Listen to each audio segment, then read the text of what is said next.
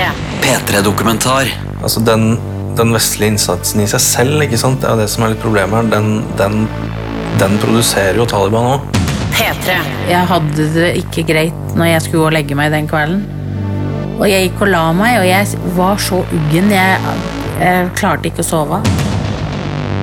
Vi gjorde det vi kunne med de midlene vi hadde i forhold til det oppdraget som vi fikk. P3. Veibomba i Almar. En P3-dokumentarserie i tre deler. Jeg heter Nora Brønseth, og dette er tredje episode. Jeg husker når jeg våkna dagen etter, så var det sånn Jeg følte meg innmari Jeg følte meg så tom. For det var sånn Jeg tror jeg hadde drømt en del om Simen. Og så våkner jeg, og så liksom kommer den tomheten slående mot meg. At nei, han er, han er fortsatt død. Stemmer det. Mandag 29. juni våkner Sigve Digernes i militærleiren i Maimane. Han har mista bestekompisen sin, Simen. Han som han gikk på tur med hver sommer og hver vinter. Han som han sov i telt med, fiska med og prata skit med.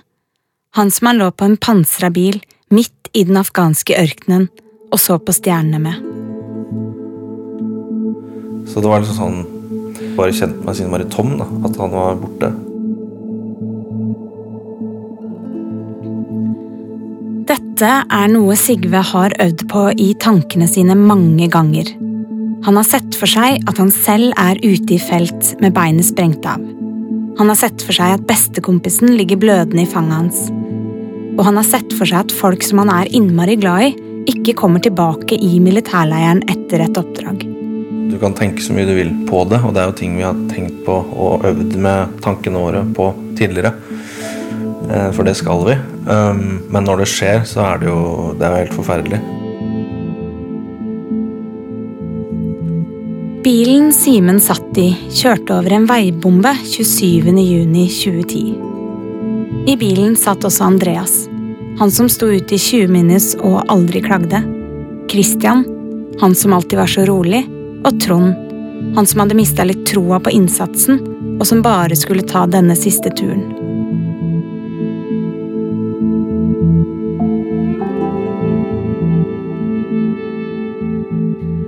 Og på den samme dagen, hjemme i Kristiansand, er familien Lian i full gang med feiring av ei lita tulle på fire år. Kristians niese løper rundt i sommerkjole. Men Kristians lillesøster Nina klarer ikke glede seg over festen. Eh, Og jeg hadde en helt forferdelig magefølelse hele den dagen der. Og jeg hadde dårlig samvittighet for at ikke jeg bare kunne ta meg litt sammen, for det var tross alt uh, dattera mi sin fireårsdag. Men det var noe som lå der, og intuisjon, det den, den forsvinner ikke bare. Og så kommer beskjeden. Christian har vært i en ulykke, Og det var jo og denne gangen kommer han ikke hjem levende. Ja, en tror jo nesten ikke at en skal overleve når, når en står midt i Midt i sånne ord, og du på en måte bare får bekrefta det du har frykta mest. Christians mamma, Anne, er også i bursdagen. Til henne har Christian snakka mye om farene rundt det å være ute på oppdrag. eh, og var veldig egentlig klar og tydelig på at, eh, at eh, han eh, kunne miste livet. Men allikevel, når det skjedde, så var det liksom bare sånn som Nei, dette kunne ikke skje, liksom. Det, det går ikke an å forberede seg, for å si det sånn, da. Selv om vi hadde snakka om det. Men, men jeg husker, jeg husker eh, han sa at ja, hvis det skal skje, da, så, eh, så skjønner jeg jo det at du kommer til å sørge en stund, men, men, men så ønsker jeg at, eh, at livet skal gå videre, at du skal ja, bli glad igjen. Så, eh, så han var nok veldig mye mer forberedt enn det jeg var. Altså, jeg hørte hva han sa, men, men jeg tror ikke det trengte liksom helt inn. Så jeg tror han, han var nok veldig, veldig realistisk i forhold til hva, hva det var han, han bega seg ut på. Et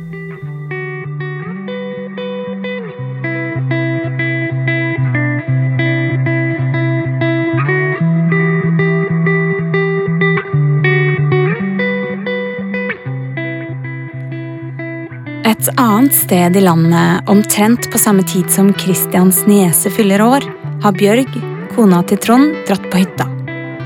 Også hos dem er det egentlig en hyggelig dag. Det er tid for den årlige festen i hyttegrenda. Men utpå kvelden ringer Freddy, Tronds eldrebror. Han har hørt nyheten. Fire norske soldater er drept av en veibombe i Afghanistan. Tapet gjør dyp Da ringte broren til Trond, Freddy, og så spurte om jeg hadde hørt fra Trond. For det var, eh, hadde vært en hendelse i Afghanistan. Nei, nei, men han er ikke der, sa jeg. Det er sikkert for å fortrenge litt. Bjørg har ikke fått med seg hva som har skjedd, og hun har heller ikke hørt noe fra Forsvaret. Hun begynner å tenke på at det er litt rart at hun ikke har hørt noe. Tidligere fikk hun alltid beskjed om at Trond var i god behold hvis det hadde skjedd noe alvorlig i Afghanistan. Og når hun går og legger seg for kvelden, har hun fortsatt ikke hørt noen ting. Jeg hadde det ikke greit når jeg skulle gå og legge meg den kvelden. Og mor var der på hytta, for det var sånn hyttefest, og så var sønnen min og en kamerat. Og jeg gikk og la meg, og jeg var så uggen. Jeg, jeg klarte ikke å sove. Og så plutselig så hører jeg da noen utafor soveromsvinduet mitt som sier 'Bjørg'. Bjørg. Og jeg kaster meg bort til vinduet. Da. Og der står lensmannen, presten og Tronds sjef. Og så da, da skjønte jeg jo hva det var. Nei, og husker jeg bare huet. Nei, mor, det er Trond, sier jeg, vet du.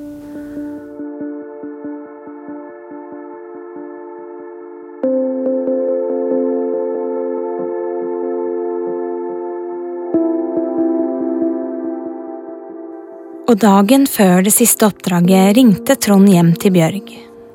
Og da var han veldig opptatt av hva slags farge, farge For da hadde vi akkurat begynt å male huset, for det var lyst. Han, han ville ha det hvitt, og jeg ville ha det svart. Og så fikk jeg velge, da. Så det ble jo svart. Han, og han var så spent på åssen huset ble. Så ja, han ville jeg skulle sende bilde av huset. Men det fikk han jo aldri sett, da.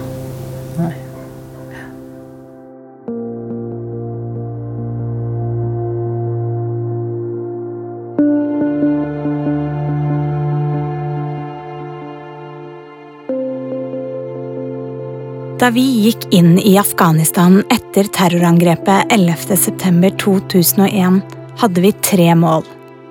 Norge skulle være en god alliert til USA og Nato i kampen mot internasjonal terrorisme. Norge skulle bidra til å forhindre at Afghanistan ble et fristed for terrorplanlegging og utføring. Og Norge skulle være med på å bygge en stabil og demokratisk stat.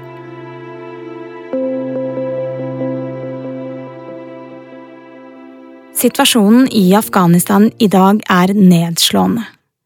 Militante islamistgrupper har fortsatt fotfeste i deler av landet, og Taliban står sterkere enn noen gang siden 2001.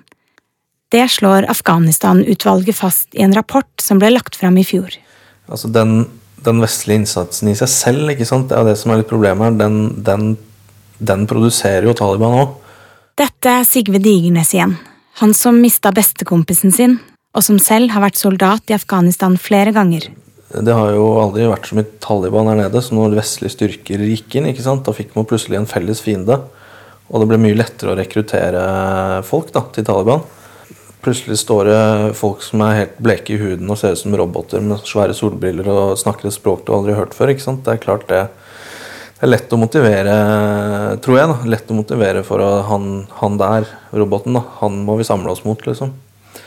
Eh, går du inn med våpen i hånden i et land, så blir det trøbbel uansett. Altså, sånn er det bare.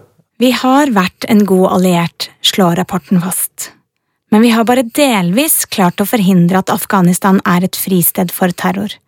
Og vi har mislykkes i å bygge en stabil og demokratisk stat. Samordningen har vært for dårlig, og målene har vært for store. En viktig og vesentlig lærdom fra oppdraget vi har hatt i Afghanistan, og vi har i Afghanistan, er å ha realistiske forventninger og realistiske målsetninger. Forsvarsminister Ine Marie Eriksen Søreide ville ikke stille opp i denne podkastserien. Men hun viser til uttalelser som hun selv kom med da rapporten ble lagt fram. Det å erkjenne kompleksitet, det å erkjenne at ting tar tid, og at veien sjelden er rettlinja, er en helt avgjørende erfaring. Det har også vært styrende for måten regjeringa har håndtert deltakelse i kampen mot internasjonal terrorisme og ISIL, ved å være tydelig på hvilke dilemmaer og utfordringer som møter Norge og andre deltakende land i en sånn type operasjon.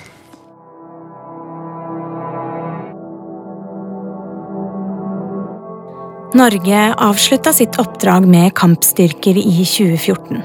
Men vi har fortsatt utsendte som trener opp afghanske sikkerhetsstyrker.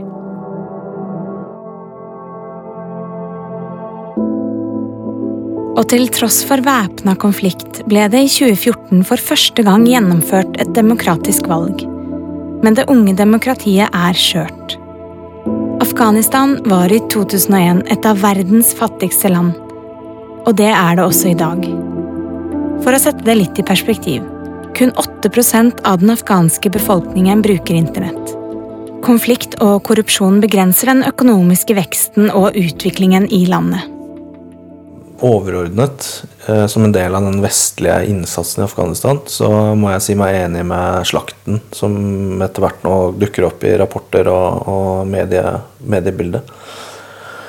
Eh, fordi jeg tror ikke Jeg tror ikke du kan eh, gi eh, demokrati til noen og forvente at de bare tar det imot og iverksetter det eh, i den, på, en, på en sånn velfungerende måte som vi har det i Vesten nå. da og at de gjør det bare over natta.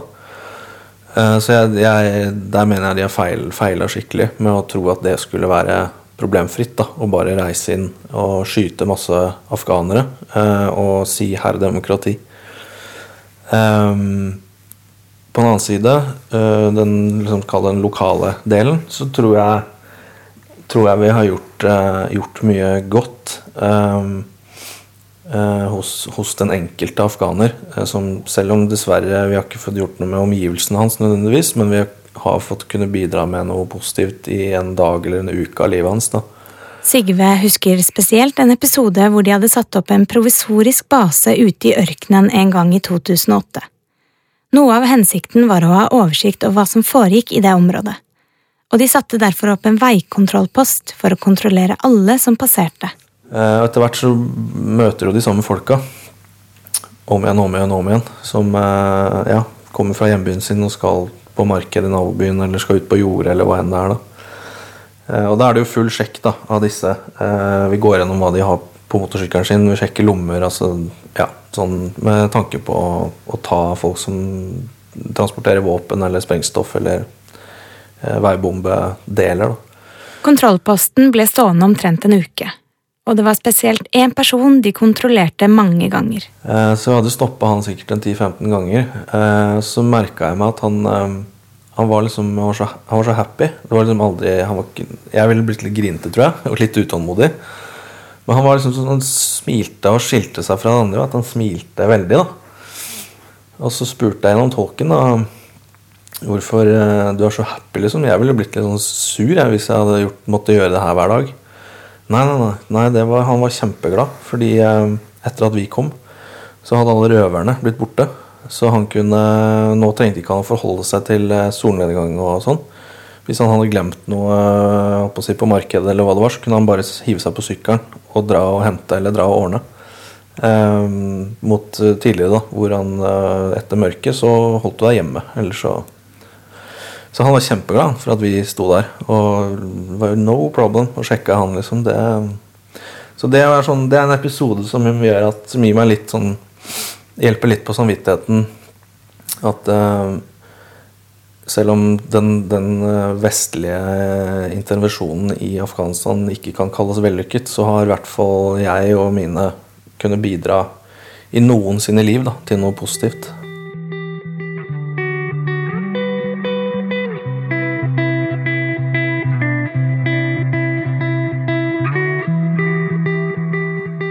Det samme hadde også Christian kjent på. Han hadde flere ganger snakket med søstrene sine Signy og Nina om hvordan det var å jobbe i Afghanistan, hva de fikk utretta, og om innsatsen som helhet. Og jeg har mange ganger tenkt at det har vært helt meningsløst. For der har vi ikke fått gjort noen ting av det vi skulle gjøre. Eh, men jeg kjenner det at og jeg føler ikke, Men jeg føler ikke noe sånn bitterhet. Ja, Christian mista livet sitt der, og hva var det til hvilken nytte? Og, eh, fordi Ok, så ble det kanskje ikke den visjonen man hadde med Afghanistan, men utgangspunktet var jo der. Og de har gjort en vanvittig innsats, de som har vært der nede. Eh, og de har gått inn med hud og hår. Eh, de har trodd på det. Eh, de har ment at de gjør en forskjell. Eh, og jeg vet at Kristian har sagt at så lenge jeg ser eh, små barn som går rundt på vinteren uten sko, Eh, og mødre som ikke kan ta vare på ungene sine, eller eh, ja, altså et system og et samfunn som ikke fungerer. Da har jeg noe å gjøre der nede. Så for meg så handler det egentlig om å bite det ned til eh, at eh, For Christian da, så gjorde han en jobb, og den ble tilfeldigvis i gåseøyne i Afghanistan. Eh, og så ble det sånn at han mista livet sitt der nede. Eh, men det er ingen av oss som vet hvor vi skal dø henne. Og så jeg kjenner bare på en sånn enorm stolthet over at broren min turte å være så tro eh, mot det han ville, og at han var så tøff som han var. Jeg husker noen ganger han sa at ja, ja, dere må jo bare tenke at det er egoistisk, men jeg gjør dette også fordi at dere skal ha en bedre framtid. For at barna deres skal ha en bedre framtid. Og Christian så ikke på fienden som demoner. Han forsto dem. For, for, tenk så fort gjort det hadde vært å si å, de der eh, jævla Taliban, eller hvor fort gjort det kunne ha vært å, å bygge opp et sånn At det var det han skulle spre av kunnskap til oss. Kunnskap i gåseøynene. Det var ikke sånne holdninger. For eksempel så husker jeg godt at han sa en gang dette med må, Selv om han syns dette med måten, måten de eh, eh, lager våpen på, f.eks. veibomber da Kristian syntes det var altså så forferdelig feigt og grusomt på en måte. Også, for du får ikke noen mulighet til å fighte tilbake. Du får ikke mulighet til å gjøre noe. Men, og det var det han frykta mest. For altså En ting er hvis du faller i strid, men når du på en måte har gjort det du kan Istedenfor bare plutselig så er du feid vekk. Men så husker jeg også at han sa at igjen, men jeg må huske at det er de sin spesialitet. Akkurat som bare se Våpenet i seg sjøl er jo forferdelig feige. Det er jo Det er jo ille uansett hvordan en vrir og vender på det. Men det der at det, Ok, greit. Det er nå de sin spesialitet. Og det blir en sånn Det blir jo et ganske sånn Hallo, hva er det vi snakker om? Men det er virkeligheten. Uansett hvordan vi vrir og vender på det. Vi kan godt la være å snakke om dette, men det er virkeligheten. Rett og slett. Og Kristian jobba i Forsvaret, og det innebar at han skulle reise til Afghanistan. Og han var kjempestolt over det. Det var jo kanskje høydepunkt i karrieren hans at han skulle få gjøre det. Da er det det som er det viktigste for meg. Mm.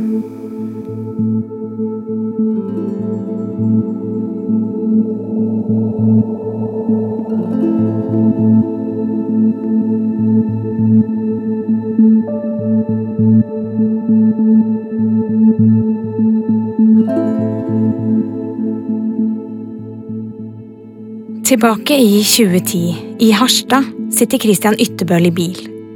Ytterbøl er selv skarpskytter og har vært i Afghanistan i tre perioder. Han er en god venn og god kollega av Christian. Han var den første Christian prata med da han kom hjem skada første gangen. Og han kjenner også Simen og Andreas, for de er alle tre i samme kommando. Ytterbøl jobber på denne tiden med å trene opp teamet som skal ut på neste oppdrag. Og på denne dagen i 2010 er han på vei for å levere datteren sin i barnehagen. Så har jeg skrudd av tjeneste telefonen. Jeg var Jeg husker ikke helt hva jeg holdt på med. Om det var noe opptrening eller jeg hadde noen dager fri eller hva det var. Men så fikk jeg en eller annen fornemmelse. Eller om jeg husker det som jeg fikk en fornemmelse. Eh, jeg, jeg vet ikke. Men telefonen på, og så får jeg en telefon om at om jeg kunne komme på jobb, da. Og eh, den kjøreturen var, var lang. Selv om han var bare noen minutter, egentlig.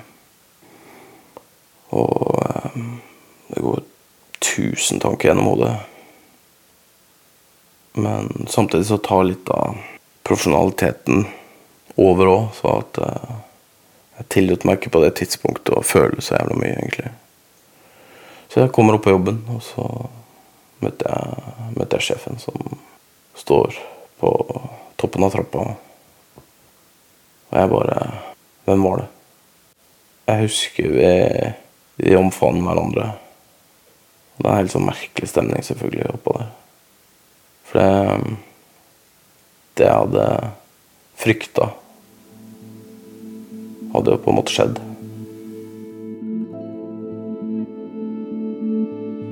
Ytterbøl har mista tre kollegaer, og en av dem var en god venn. Men han legger følelsene til side og setter i gang med å ringe rundt til de neste som skal ut. De er ikke ferdig med innsatsen ennå.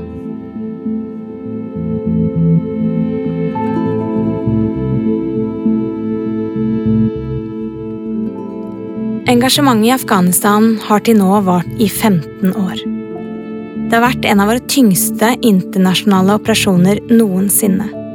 Store summer er investert, både gjennom militær innsats og gjennom bistand.